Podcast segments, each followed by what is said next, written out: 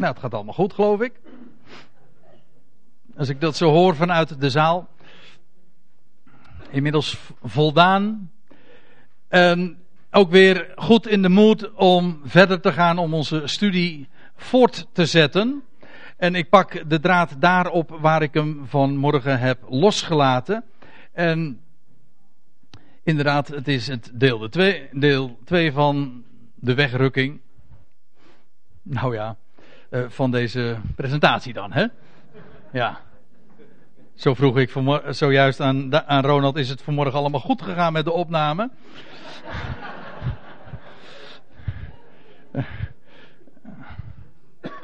Zo, zo van: heb ik iets gemist? Nou, dan hebben we allemaal wat gemist, geloof ik, ja.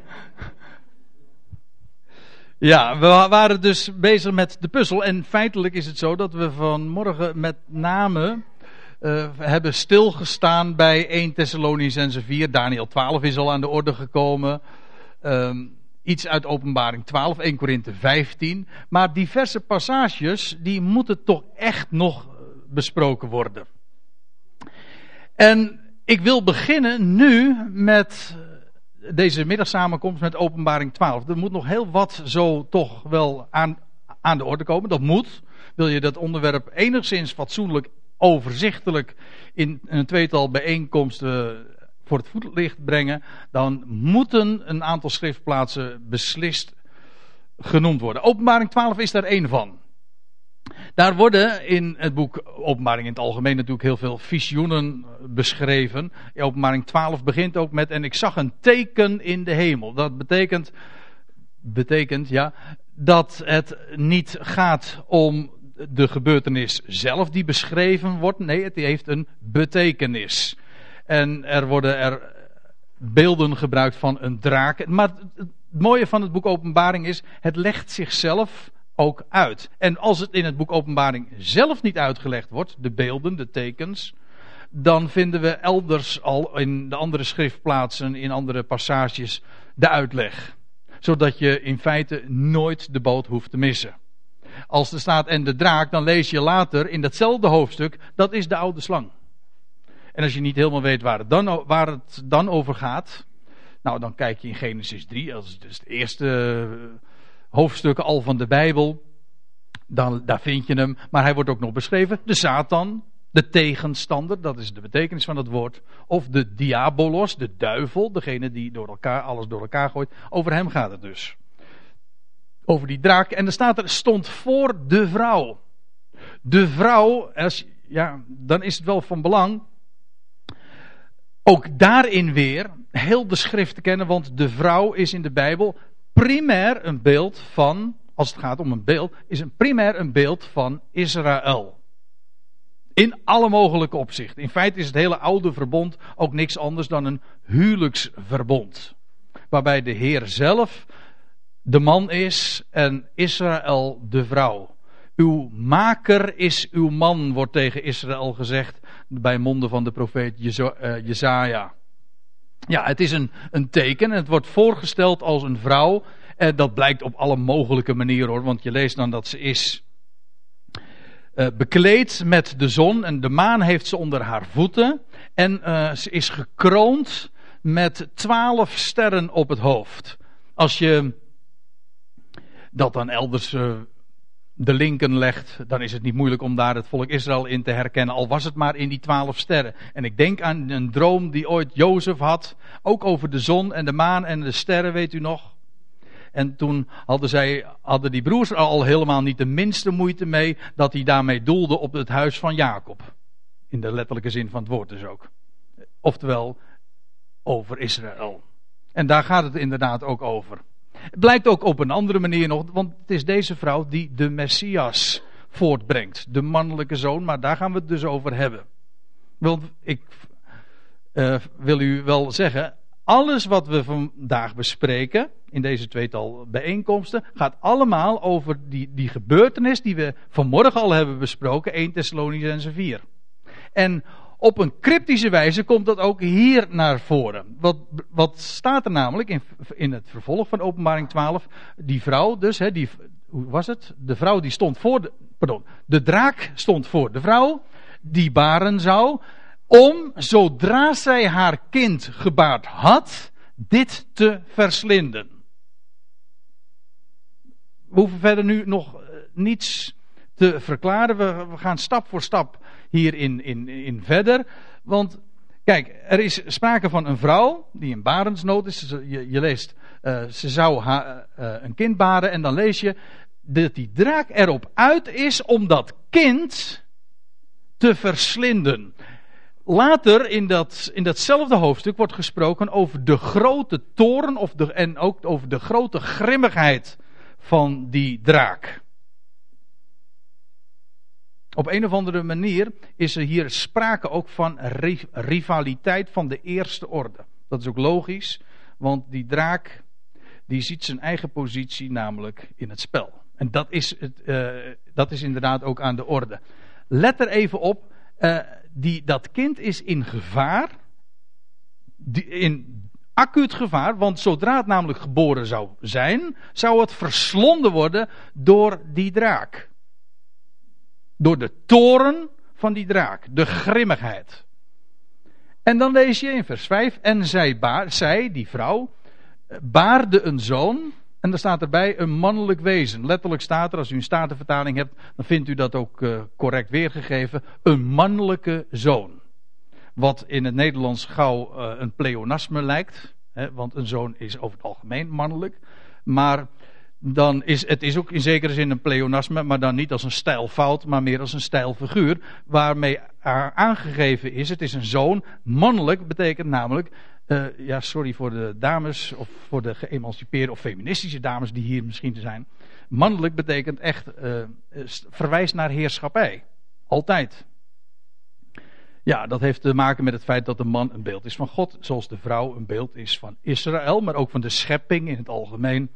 Daar hebben we al een keertje eerder een studiedag over gehad. Ik weet het, je moet deze dingen tegenwoordig heel voorzichtig zeggen. Maar als er hier staat dat het een mannelijke zoon is, dan wordt benadrukt: het is mannelijk, omdat die zoon, voor die zoon de heerschappij is weggelegd. Er wordt dan ook, is ook sprake van een uh, ja, mannelijke emblemen. De staf, scepter. De Statenvertaling staat er trouwens, en dat is wat dubbelzinnig als ik het nu ga zeggen, maar er staat een ijzeren roede. Maar dan begrijpt u misschien ook wat ik bedoel.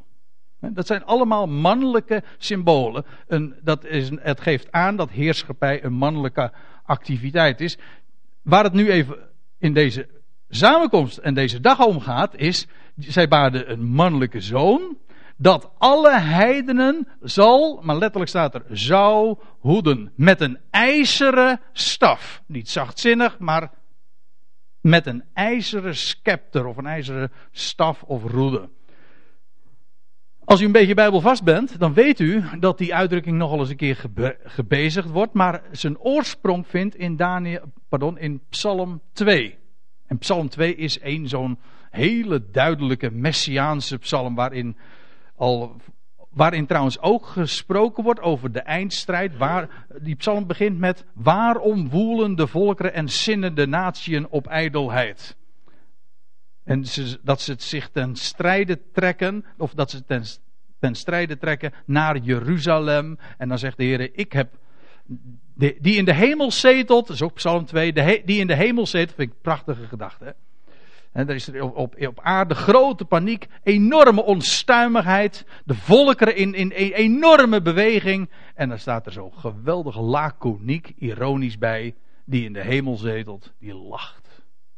De spot met hem. Kijk, dat zijn de verhoudingen die we in de Bijbel zo op ons bordje krijgen. Dingen die in de wereld zo groot en, en, en wellicht reden geven tot enorme paniek. In de hemel wordt gelachen. En als je daar iets van verstaat, daarom komen we trouwens ook bij elkaar. Om iets van die lach, zeg maar, op te merken. En ook met Gods ogen naar de wereld te kijken. Dan kun je nog eens lachen. Hm? Dat meen ik. Want wij nemen, de waar de wereld zich druk om maakt, dat, dat, dat is volstrekt onbenullig, weet u dat? De paniek die er is. En dan heb ik het niet alleen maar over over het klimaat en over de smeltende ijskappen en over de wereld die blank komt te staan. Nou, dat is echt, dat, dat zijn lachertjes. Echt, dat zijn lachertjes. Nou, dat is die psalm, daar hebben we het over. Uh, en, daar, en, dan wordt er ook gezegd, daar wordt er gesproken over, over, die, die zoon die geba, over de zoon die verwekt wordt uit de doden.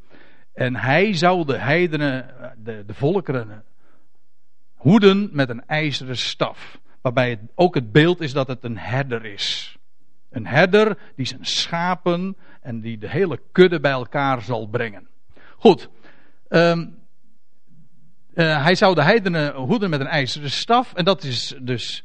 Dan gaat het over de Messias. Maar nou, dan moeten we er wel iets bij zeggen. Iets heel belangrijks in verband met ons onderwerp.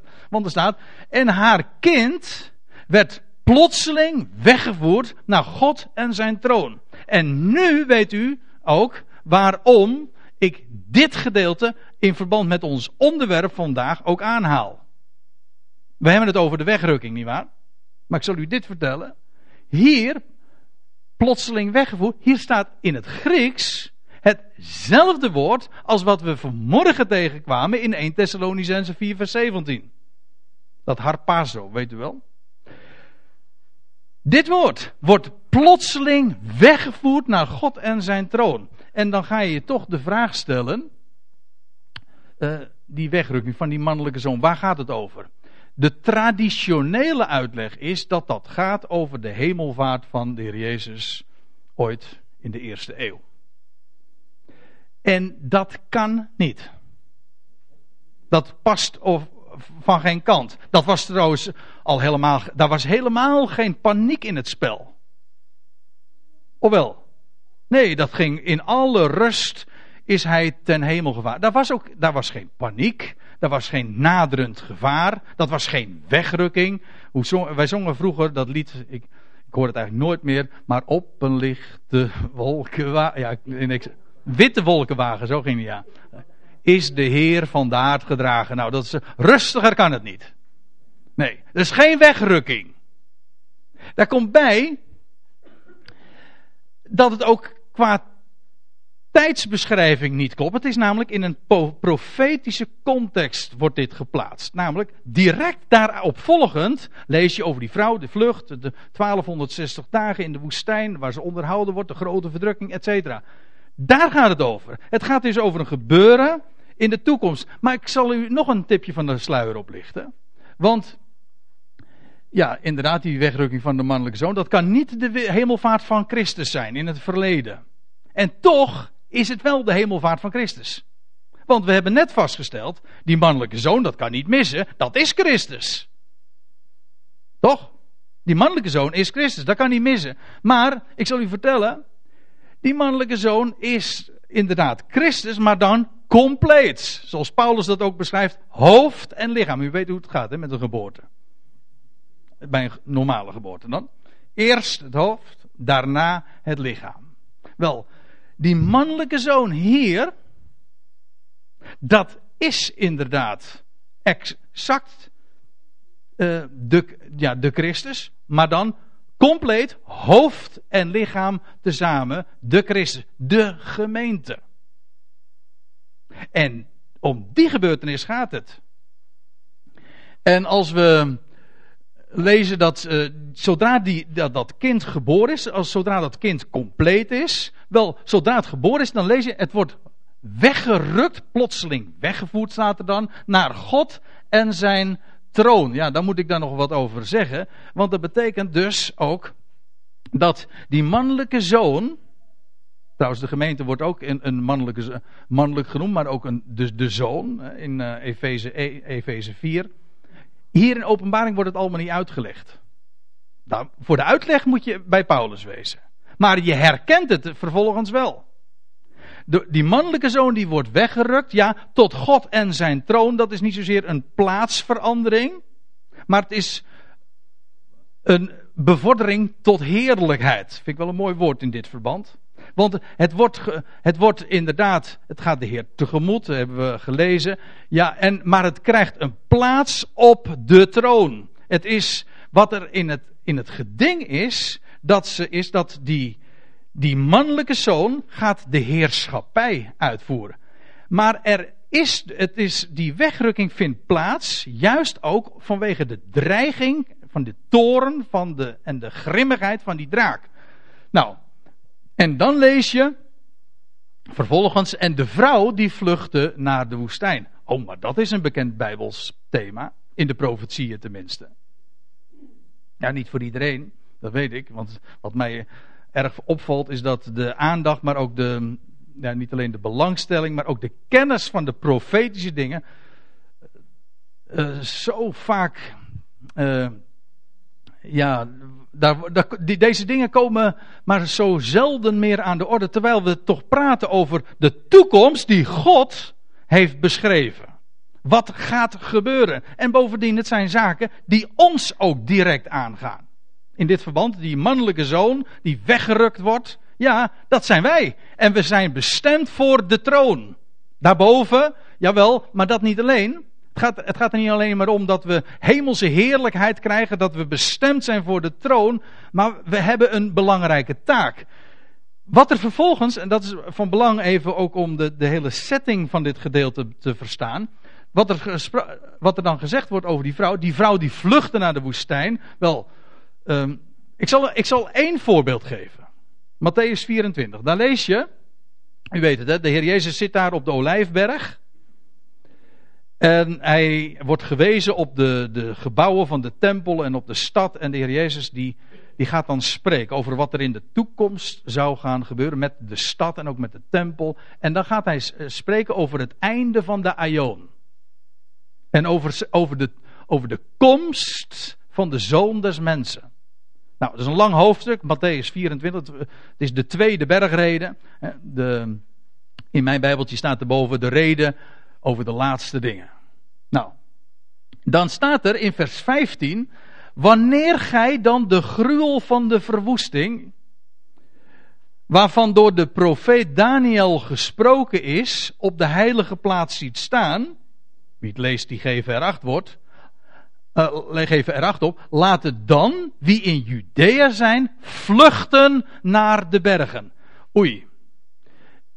U begrijpt wel dat als ik zo'n gedeelte aanhaal uit Matthäus 24, dat dit kennis veronderstelt. Want de Heer Jezus verwijst naar de profeet Daniel.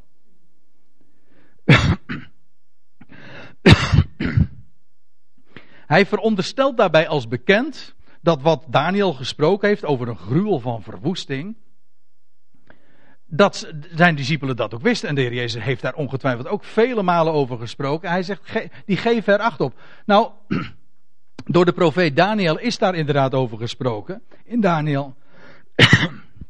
Neem me niet kwalijk. Ik heb, ik heb toch echt nog een uurtje te gaan. Anders moet ik. Uh, Anders zou ik eerder moeten stoppen, maar dat is niet de bedoeling. Um, over, die, over Daniel 9, ja. Die gruwel van de verwoesting, daarover wordt gesproken in Daniel 9. Heel even kort. Ik moet dat zeggen, want anders is het niet duidelijk. In Daniel 9 wordt beschreven dat er voorafgaande aan de totale vrede en de gerechtigheid die voor, voor Israël zal aanbreken, dat daar nog een, een zevental jaren aan vooraf gaan. Ja, ook nog er wordt nog veel meer gezegd, maar het gaat me nu even om die laatste jaarweek. Ik zeg jaarweek een zevental jaren. Vandaarom ook een jaarweek. Een zevental jaren. Nou, en dan wordt er gezegd in Daniels 9, vers 27 dat eh, er een verbond zal worden gesloten. Een, een vredesverdrag met betrekking tot de heilige stad. Dat wil, tegen, dat wil zeggen een verbond, een contract eh, of een verdrag over de heilige stad. En de eerste helft van die zeven jaar, drieënhalf jaar dus, zal er vrede zijn. Maar halverwege die week, halverwege die 70, die 70 jaarweek, die, die laatste zevental jaar, halverwege die week, zal er in Jeruzalem, op de heilige plaats, want dat staat er ook, hè, um, op de heilige plaats ziet staan, dat wil zeggen op het tempelplein, de ik moet er nog iets bij zeggen. De e- Joodse eredienst zal in die eerste helft van de 70e jaarweek ook weer hersteld worden. Daar zal weer slachtoffer en spijsoffer gebracht worden. Op de heilige plaats, op het tempelplein dus. Ik zeg dus niet dat die koepel die er nu staat van de moslims, dat die weg zal gaan. Maar in ieder geval zal daar, misschien dat dat juist ook een deel van het contract ook is, van dat verdrag dat gesloten gaat worden, dat er een akkoord gesloten gaat worden, dat ook de joden een plaats daar krijgen aangewezen. Zodat ze hun eredienst professorisch of in welke mate dan ook weer kunnen starten. Drieënhalf jaar lang zal daar vrede zijn. Halverwege die, die, dat verdrag zal de, degene om wie het gaat zijn masker afwerpen. En hij zal een gruwel, dat wil zeggen een afgodsbeeld, op de heilige plaats zien staan. En dat zal heel veel verwoesting met zich meebrengen. Vandaar ook de gruwel, het afgodsbeeld, want dat is wat een gruwel is. Gruwel van de verwoesting. Die zal op de heilige plaats ge, uh, gezet worden. En staat, dat staat er ook bij wanneer. Dat zal halverwege die laatste jaarweek zijn. Na 3,5 jaar vrede. Nou, en dan, als je dat ziet gebeuren, zegt Jezus tegen zijn Joodse discipelen, als jullie dat zien gebeuren, laat het dan wie in Judea zijn. We worden hier dus echt helemaal in, in, in, in een Israëlische, Israëlitische context geplaatst. En, en bij de heilige plaats, bij Jeruzalem, in het land van Israël, daar, bevind, daar vinden deze dingen plaats. Laten dan wie in Judea zijn, vluchten naar de bergen. Dat wil zeggen, naar de woestijn. Dat wordt elders in ditzelfde hoofdstuk ook gezegd. Naar het zuiden dus. Ja. En dan even later trouwens in Matthäus 24 lees je nog, want er zal een grote verdrukking zijn. Dat lazen we vanmorgen trouwens ook al, maar toen in Daniel. Er zal een grote verdrukking zijn, zoals er niet geweest is van het begin der wereld tot nu toe en ook nooit meer wezen zal. Vergis u niet. Wat een afschuwelijk drama zich daar gaat voltrekken. Ik weet dat sommige mensen denken daar heel anders over. Die denken van nou dat is helemaal geweldig daar in Israël. En de Joden moeten daar zo snel mogelijk heen gebracht worden. Want ja, om de Messias op te wachten. Wat ze zich niet realiseren, dat het dat grootste drama daar nog juist zal plaats, uh, zal, zal gaan voltrekken. En dat het de meest on, onveilige plek, plek ter wereld is zelfs. Dat dat lees je misschien niet in allerlei evangelische blaadjes, maar ik lees het wel in mijn Bijbel. Hoe dan ook, er zal een grote verdrukking zijn. En op het moment dat dat afgodsbeeld geplaatst zal worden, op de heilige plaats, dat is, het, dat is ook het moment dat acuut gevlucht zal moeten worden naar de bergen. Voor wie dan in Judea zijn, die zullen de vlucht uh, moeten nemen naar de bergen. En daar, wordt, daar is ook een onderduikadres dan is er ook geen tijd meer, want de Heer Jezus eh, zegt dat dan ook in de navolgende versen, van wie dan op het dak is, laat, eh, of uh, wie op het veld is, ga niet, ga niet je, nog even je kleed halen of nog eventjes wat, wat bagage meenemen. Maken dat je wegkomt. Vluchten. Ja. Nou, en daar op die gebeurtenis, daar doelt ook openbaringen 12 op. Openbaring 12. Of het blijkt ook wel, want er staat dan, waar zij, zij vlucht naar de woestijn, waar zij een plaats heeft door God bereid.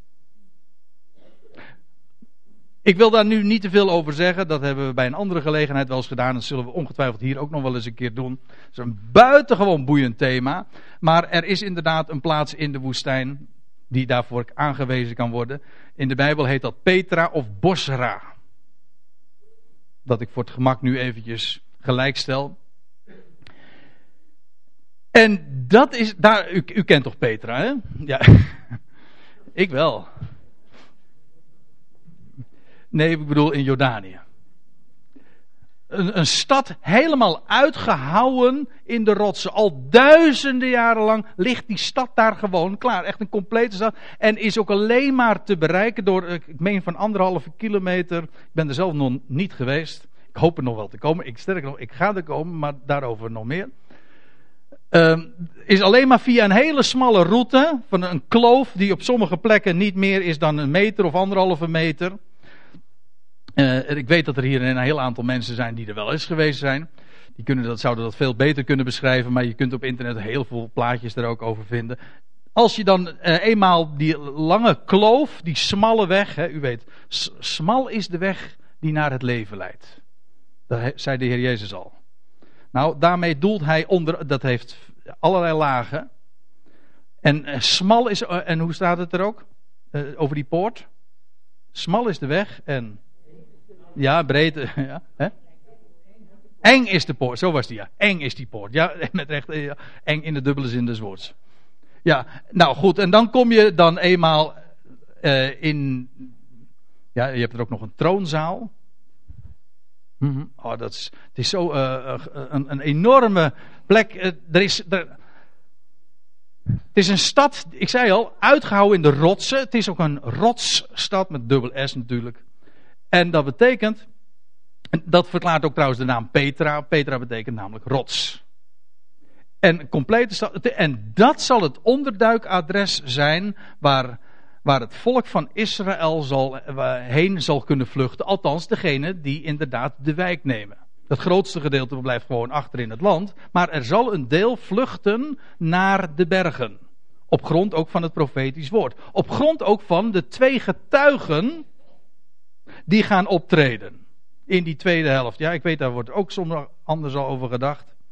Maar ik geloof dus dat die twee getuigen in de laatste, uh, die laatste half, in die grote verdrukking zullen optreden op het, op het tempelplein ook, in Jeruzalem. Hoe dat ook zij, want ik vertel nu een heleboel dingen die voor niet iedereen even duidelijk zal zijn, maar waar het even om gaat. Als daar een afgodsbeeld opgericht gaat worden in Jeruzalem, dat is de aanvang van de grote verdrukking. En in die tijd is er een plaats, een veilig onderduikadres voor een overblijfsel, voor, het rest, voor een rest, voor degene die vluchten naar de, de woestijn. En die is door God bereid. Ja, en dan lees je nog bij, nou, dat is mooi zeg. Uh, want daar staat erbij, opdat zij daar 1260 dagen onderhouden zou worden. 1260 dagen voor de vlugge rekenaars onder u, dat is 3,5 jaar. Of 42 maanden. Of tijd, twee tijden en een halve tijd. Dat is allemaal exact dezelfde periode. Dat is, ze wordt heel duidelijk zo beschreven. Die grote verdrukking. En daar wordt Israël, althans degenen die gevlucht zijn daar en die de wijk hebben genomen, die zullen daar onderhouden worden. Gedurende die tijd en zullen ze buiten het bereik van de draak zijn. Ik ga dat nu verder niet uh, aantonen, maar als u de rest van Openbaring 12 leest, dan zie je dat prachtig beschreven. Dat is een veilig onderkomen. Degenen die dus gevlucht zijn, maken de grote verdrukking niet mee. Althans, in, niet in die zin. Zij worden daar in de woestijn bewaard. En zelfs zodanig, ze worden van Gods wegen gevoed. En onderhouden. Ze krijgen alles wat ze nodig hebben. Een geweldige plaats. Maar ik zal u nou nog wat vertellen. Want weet u wat er, zoals de MBG weergave is, luidt, dat is niet zoals het echt staat. Weet u wat er echt staat? Dit. Opdat zij haar daar 1260 dagen zouden onderhouden. Zij. Wie zijn die zij? Dat is, dat is, ja inderdaad, wat was het onderwerp? Dat is de mannelijke zoon. Kijk, die vrouw stelt een volk voor. Maar die mannelijke zoon is net zo goed een volk. Namelijk hoofd en lichaam. En voorafgaand aan die grote verdrukking, aan die 1260 dagen, zal die mannelijke zoon worden weggerukt. Hè, op, dat ze niet door die draak verslonden zal worden. Door, voor, dat ze niet het onderwerp zou zijn van zijn toren. Ze worden voor die toren weggerukt. Maar dat niet alleen. Die vrouw die vlucht dan vervolgens naar de woestijn. En die daar ook een veilige plek heeft. De een wordt weggerukt tot God en zijn troon, wordt getransformeerd, dat zijn wij, die mannelijke zoon. Christus en de gemeente, hoofd en lichaam tezamen, weggerukt. Ja, en die vrouw die wordt daar bewaard in de woestijn. Maar daar staat er zo bij, en waarschijnlijk heeft men het wegvertaald omdat men het niet kon plaatsen. Nou, die, opdat zij haar daar 1260 dagen zouden onderhouden. Ik geloof dat wij dat zijn, ja. Dat kan wat mij betreft niet missen. Wat ook trouwens, en ik haal even, nu even terug wat ik vanmorgen al zei. We gaan de Heer tegemoet. Ja, dat is zo. Maar dat betekent ook dat wij gewoon hier op aarde nog een, uh, ons werk hebben. En wij zullen daar ook. Ik vind het een prachtige gedachte dat ik ook na de opname nog in Petra Be of met Petra bezig zal zijn, ja.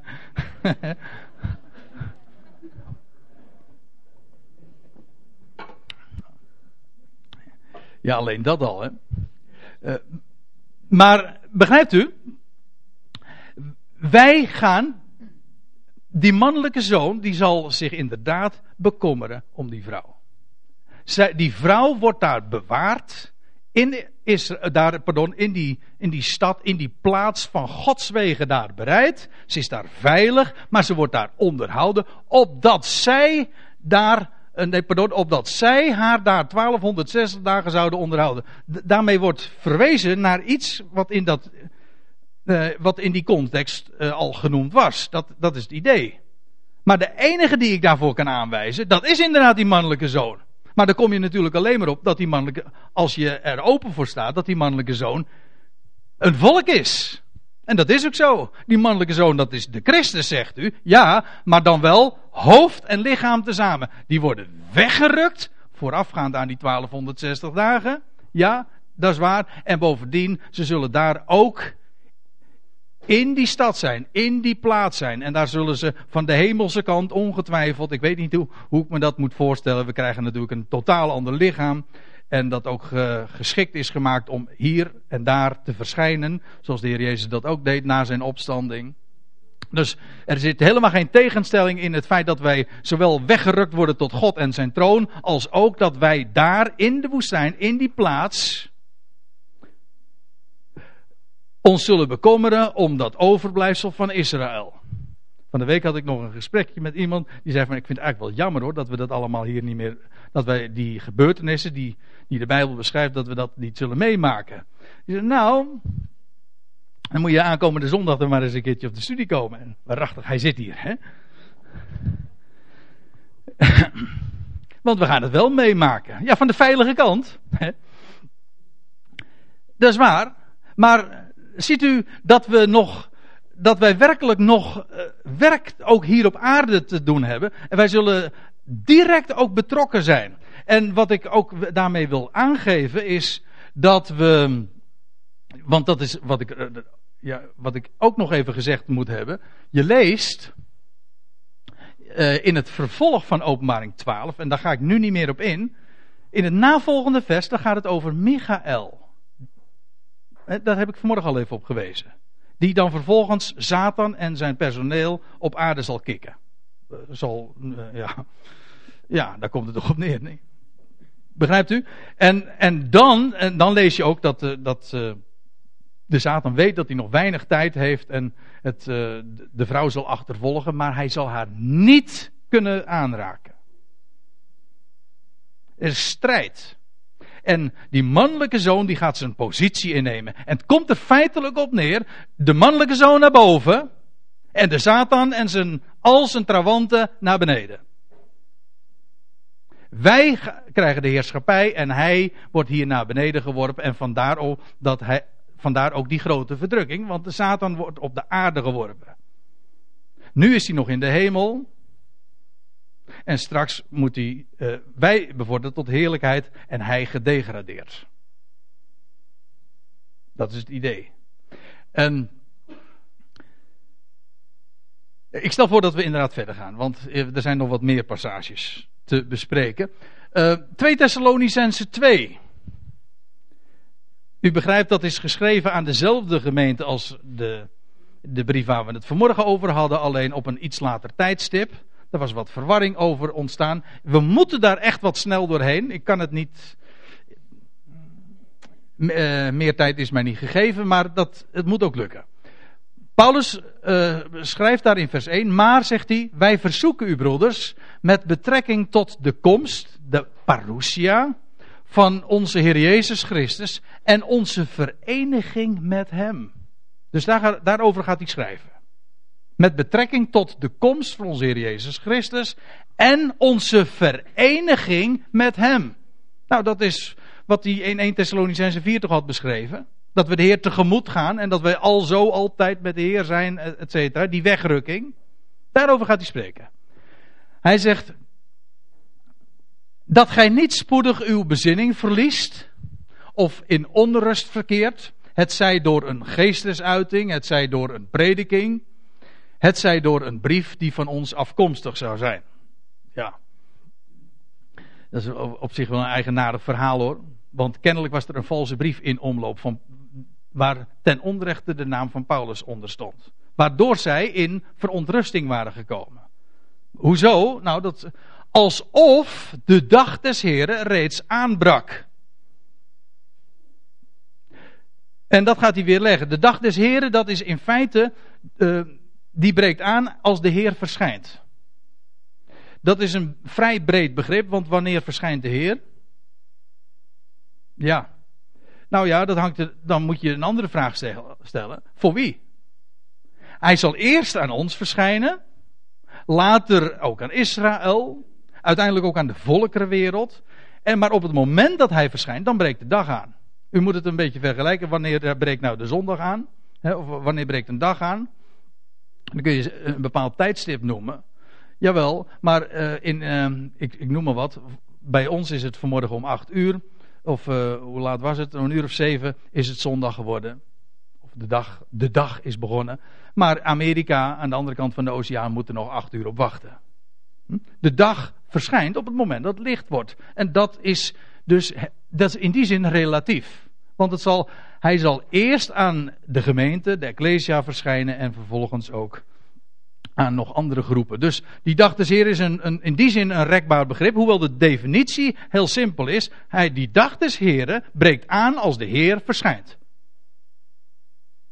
Goed, laat niemand u misleiden, want het idee was waarom, daar, waarom ze daar in Thessalonica verontrust waren. Het idee was, de dag des Heren is al aangebroken. En waarschijnlijk hebben ze ook gewezen op de verdrukkingen die er waren. Want uh, die die, ja, die gelovige Thessalonicensen, die, die stonden onder hevige druk in die dagen. En vandaar ook dat het idee postvatte. Oh, de dag des Heeren is al aangebroken. En dan zegt Paulus, laat niemand u misleiden, op welke wijze ook. Want, zegt hij, eerst moet de afval komen. En de mens der wetteloosheid zich openbaren, de zoon des verderfs. En eh, vervolgens de tegenstander, hij wordt dus op uh, verschillende manieren genoemd. De mens der wetteloosheid, de zoon des verderfs. De tegenstander die zich verheft tegen al wat God of voorwerp van verering heet, zodat hij zich in de tempel Gods zet. Nou, daar hadden we het ook al over. Over die gruwel van de verwoesting, weet u wel als de mens, als die, de mens der wetteloosheid zijn, zijn masker zal afwerpen en er een enorme verdrukking gaat aanbreken. Op het moment namelijk dat hij een afgodsbeeld van zichzelf, of een beeld uh, van zichzelf, in elk geval een afgoderij aanvangt op de heilige plaats. Oftewel de tempel gods. Daar, in Jeruzalem, op de heilige plaats, op het tempelplein. Dat moet eerst gebeuren. Uh, en daar staat er nog bij om aan zich te laten zien, of om aan, ja, aan zich te laten zien dat hij een God is. Nou, die gruwel van de verwoesting, dat is dus halverwege de laatste jaarweek een begin. En dat is ook de aanvang van de grote verdrukking. Herinnert gij u niet, schrijft Paulus dan, dat ik, toen ik nog bij u was, u dit meermalen gezegd heb? Paulus heeft hier dus onderwijs over gegeven. Hij heeft schriftstudie gedaan. Hij heeft ook het boek Daniel, dat weten we, geopend. En heeft ze op allerlei dingen gewezen. Nou, daar herinnert hij ze aan. Hij hoefde daar verder niet meer over te vertellen. Dat wisten ze. Zo'n jonge gemeente, maar had al zoveel kennis over de profetie. Je vraagt je trouwens wel af, maar hoe, waarom spreekt Paulus nog niet over onze vereniging met hem? Hij zou daar toch over gaan spreken? Wij, er moet toch eerst, wat we nu tot dusver gezien hebben, eerst toch nog die wegrukking van de gemeente vindt plaats. Jawel, maar lees even verder. Daar staat, en gij weet thans wel wat hem weerhoudt. Totdat hij zich openbaart op zijn tijd. Dus die mens der wetteloosheid, en die de grote afval ook zal gaan inluiden, met die hele afgoderij die daar op de heilige plaats aanvangt. Wel, die, hij wordt tegengehouden. Er is iets wat hem vasthoudt, weerhoudt om zich te openbaren. En schrijft Paulus, nou ge weet thans wel wat hem weerhoudt.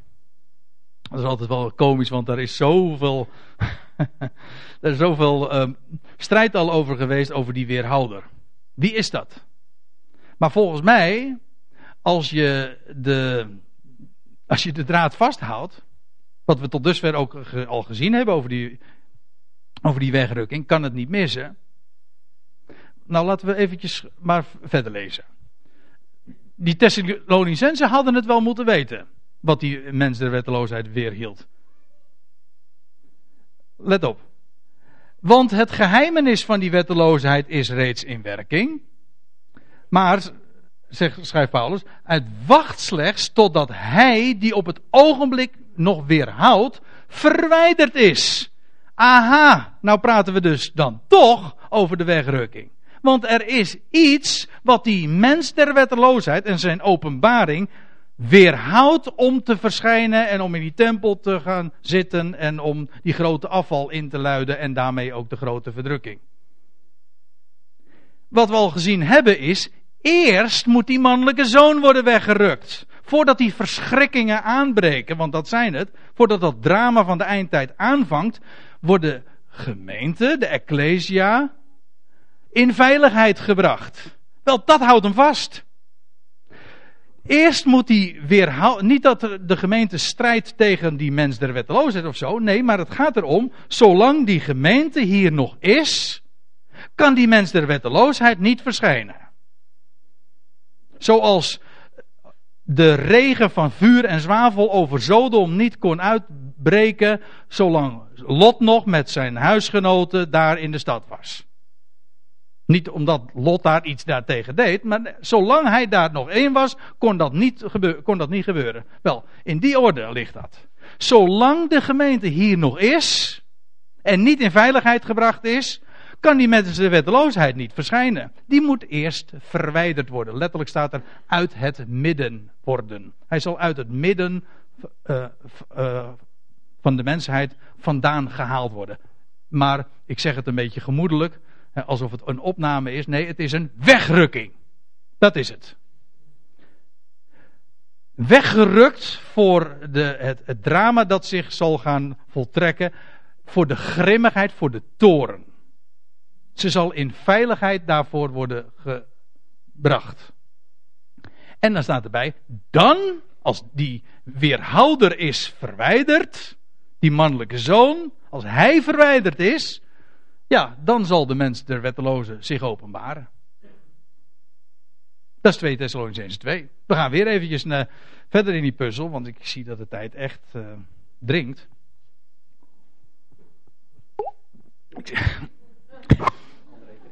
Ik zei drinkt, drinkt.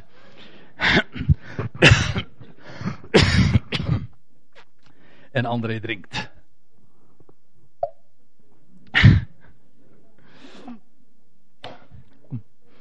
Ja. De tijd drinkt. En André slokt en klokt. Nou goed. Um, de, de, de puzzel. we hebben het gehad over 1 Thessalonicense 4, openbaring 12. Ook al deze plaatsen zijn ter sprake gekomen. 2 Thessalonicense 2 net. Maar nu gaan we weer verder in 1 Thessalonicense 5.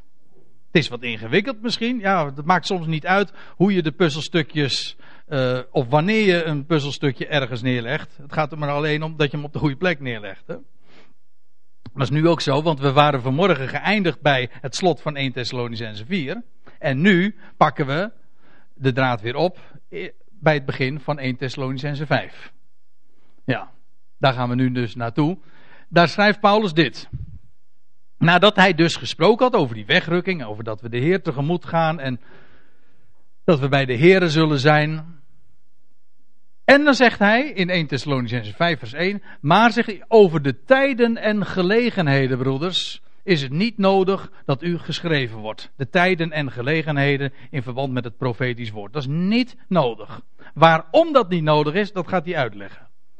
Immers, gij weet zelf zeer goed dat die dag des Heren zo komt als een dief in de nacht.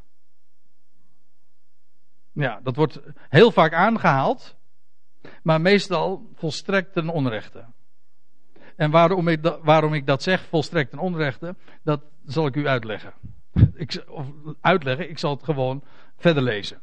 Lees, terwijl zij zeggen, gewoon zij, men men in het algemeen op aarde, terwijl men zal zeggen, het is alles vrede en rust. Ja, daar hadden we het al even over. Dat is die eerste helft van de jaarweek. Dan zal er een verdrag gesloten worden en dan zal er vrede en rust zijn. Zelfs zodanig dat men zal zeggen, want ik denk niet alleen maar dat dat een, vrede in het Midden-Oosten zal zijn, maar ook dat de handen ineengeslagen gaan worden. Een, een, een enorme religieuze op, opleving zal het ook gaan betekenen. Dat men gaat zeggen, dit is het beloofde vrederijk. Zo'n vrede zal er gaan aanbreken. Men zal zeggen vrede en rust. Dit is eindelijk dat Messiaanse koninkrijk waar de Bijbel ook al van spreekt. En er zullen er vele misleid worden. De schijn. Want zij zullen zeggen vrede en rust. Er is ook vrede en rust, dan weliswaar. Maar staat er, terwijl zij zeggen het is alles vrede en rust, overkomt hun als de weeën een zwangere vrouw een plotseling verderf. En ze zullen geen zins ontkomen. Kijk, nou dat is waar we het ook over hadden. Want als daar vrede en rust is, dan zal daar halverwege die laatste jaarweek, na 3,5 jaar, zal daar een gruwel worden opgericht. En dat zal de grote verdrukking inleiden. Er overkomt hen als de weeën een zwangere vrouw een plotseling verderf. En ze zullen geen zins ontkomen. Maar schrijft Paulus, uh, maar gij broeders zijt niet in de duisternis, zodat die dag u als een dief overvallen zou. Men zegt dat toch heel vaak van ja, we weten daar helemaal niks van. Die dag komt als, de dag des Heren komt als een dief in de nacht. Ja, voor hen. Dat wil zeggen voor de wereld. Zij weten niet beter. Maar voor ons niet. Nee, die dag.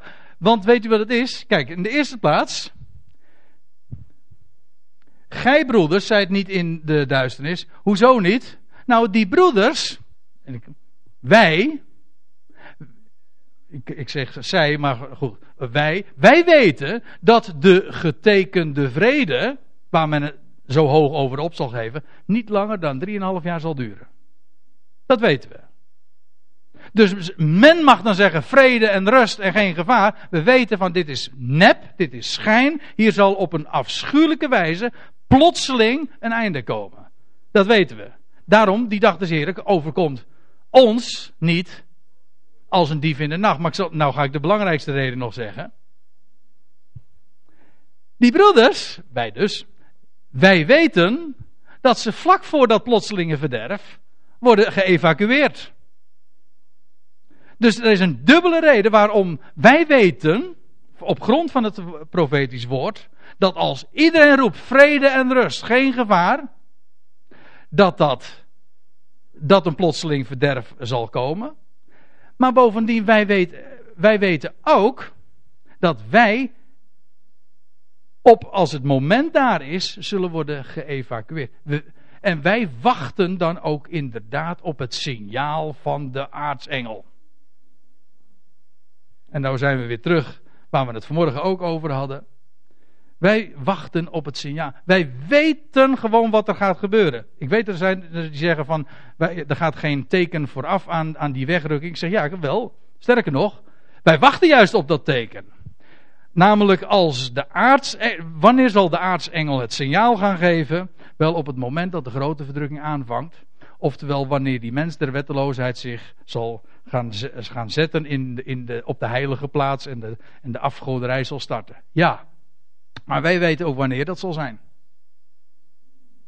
Dus als de hele wereld roept van vrede, vrede, dan weten wij, dan kunnen wij weten op grond van het profetisch woord, van nu gaat het binnenkort gebeuren. Zodat we inderdaad, zodat die dag ons niet zal overvallen als een dief in de nacht. Want we weten hoe het is. En nou lees ik even verder. Want gij, zegt Paulus, zijt allen kinderen van het licht en kinderen van de dag. Wij behoren niet aan nacht of duisternis toe. En dan lees, dan gaat hij nog wat andere dingen zeggen, die moet ik even overslaan. Maar, zegt hij in vers 8, laten wij, die de dag toe behoren, nuchter zijn. toegerust met het harnas van geloof en met de helm van de hoop der zaligheid staat er dan in onze vertaling, maar het is gewoon de hoop van de redding. Want dat is nu precies waar we het over hebben. Ik had er graag nog wat meer over gezegd, over gewoon wat, het, wat, wat zulke verwachting ook betekent in de praktijk van ons leven. Nou, het betekent in ieder geval dat wij, we behoren de dag toe, we wandelen bij het licht, namelijk bij het licht van het profetisch woord. We weten wat er gaat gebeuren. Voor de wereld is dat duister, kan zij ook niet helpen. Maar als we het licht van het profetisch woord hebben, weten we wat er gaat gebeuren. Maar bovendien, het wekt ons vertrouwen. We weten dat er niks misgaat. Het is allemaal in de handen van een God die alles zijn plaats toewijst overeenkomstig het script dat geschreven is. En bovendien, we wandelen in liefde en met die helm van de hoop, de redding. Dat wil zeggen, heel ons denken, want het hoofd uh, wordt beschermd door die helm. Door de hoop die we hebben. De redding die God garandeert. De redder die Hij is. En waar Hij ons ook voor, voor de gevaar, het grote gevaar dat gaat dreigen. Daar zullen wij voor, eh, voor worden weggerukt, geëvacueerd, in veiligheid worden gebracht. En sterker nog, juist om een belangrijke taak te gaan uitvoeren zodat wij hem tegemoet gaan. Maar bovendien, we gaan hier op aarde ook nog het een en ander zo doen, wat ik al eh, zojuist aangaf. Maar lees, let ook op. Paulus schrijft in vers 9 nog. Want God heeft ons niet gesteld tot toren. Nou, daar hebben we het nu al zo vaak over gehad. Het gaat hier niet over de toren van God. Het gaat hier over die toren die op aarde losbreekt vanwege die, die slang, weet je wel, vanwege die draak, of hoe je hem ook maar noemen wil. De grimmigheid die dat, die mannelijke zoon wil verslinden. Daarvoor zal, zullen wij in veiligheid gebracht. God heeft ons niet gesteld tot die toren, maar tot het verkrijgen van de redding door onze Heer Jezus Christus. Nou, daar hebben we het over. Dat is die wegrukking.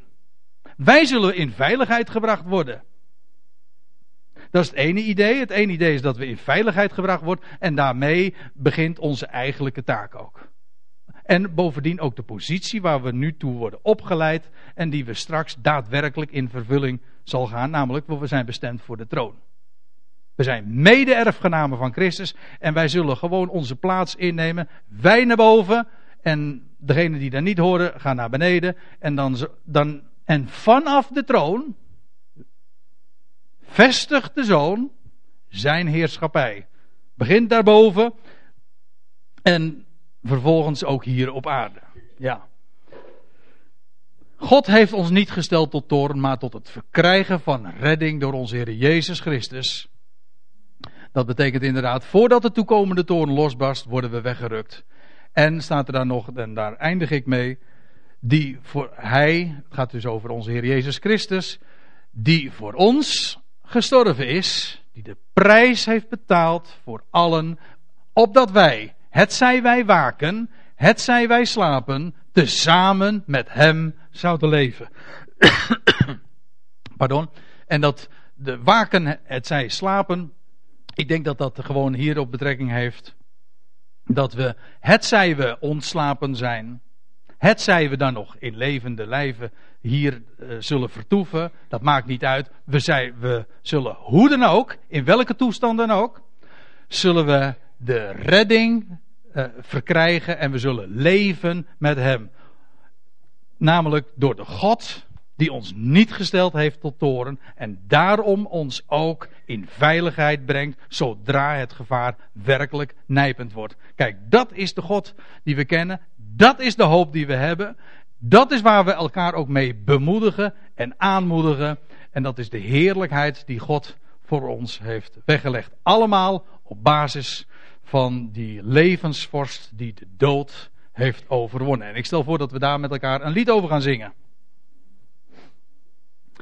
Ja, een echt een lied als geen ander dat spreekt van de geweldige heerlijkheid van het leven dat sterker is dan de dood. U zij de glorie.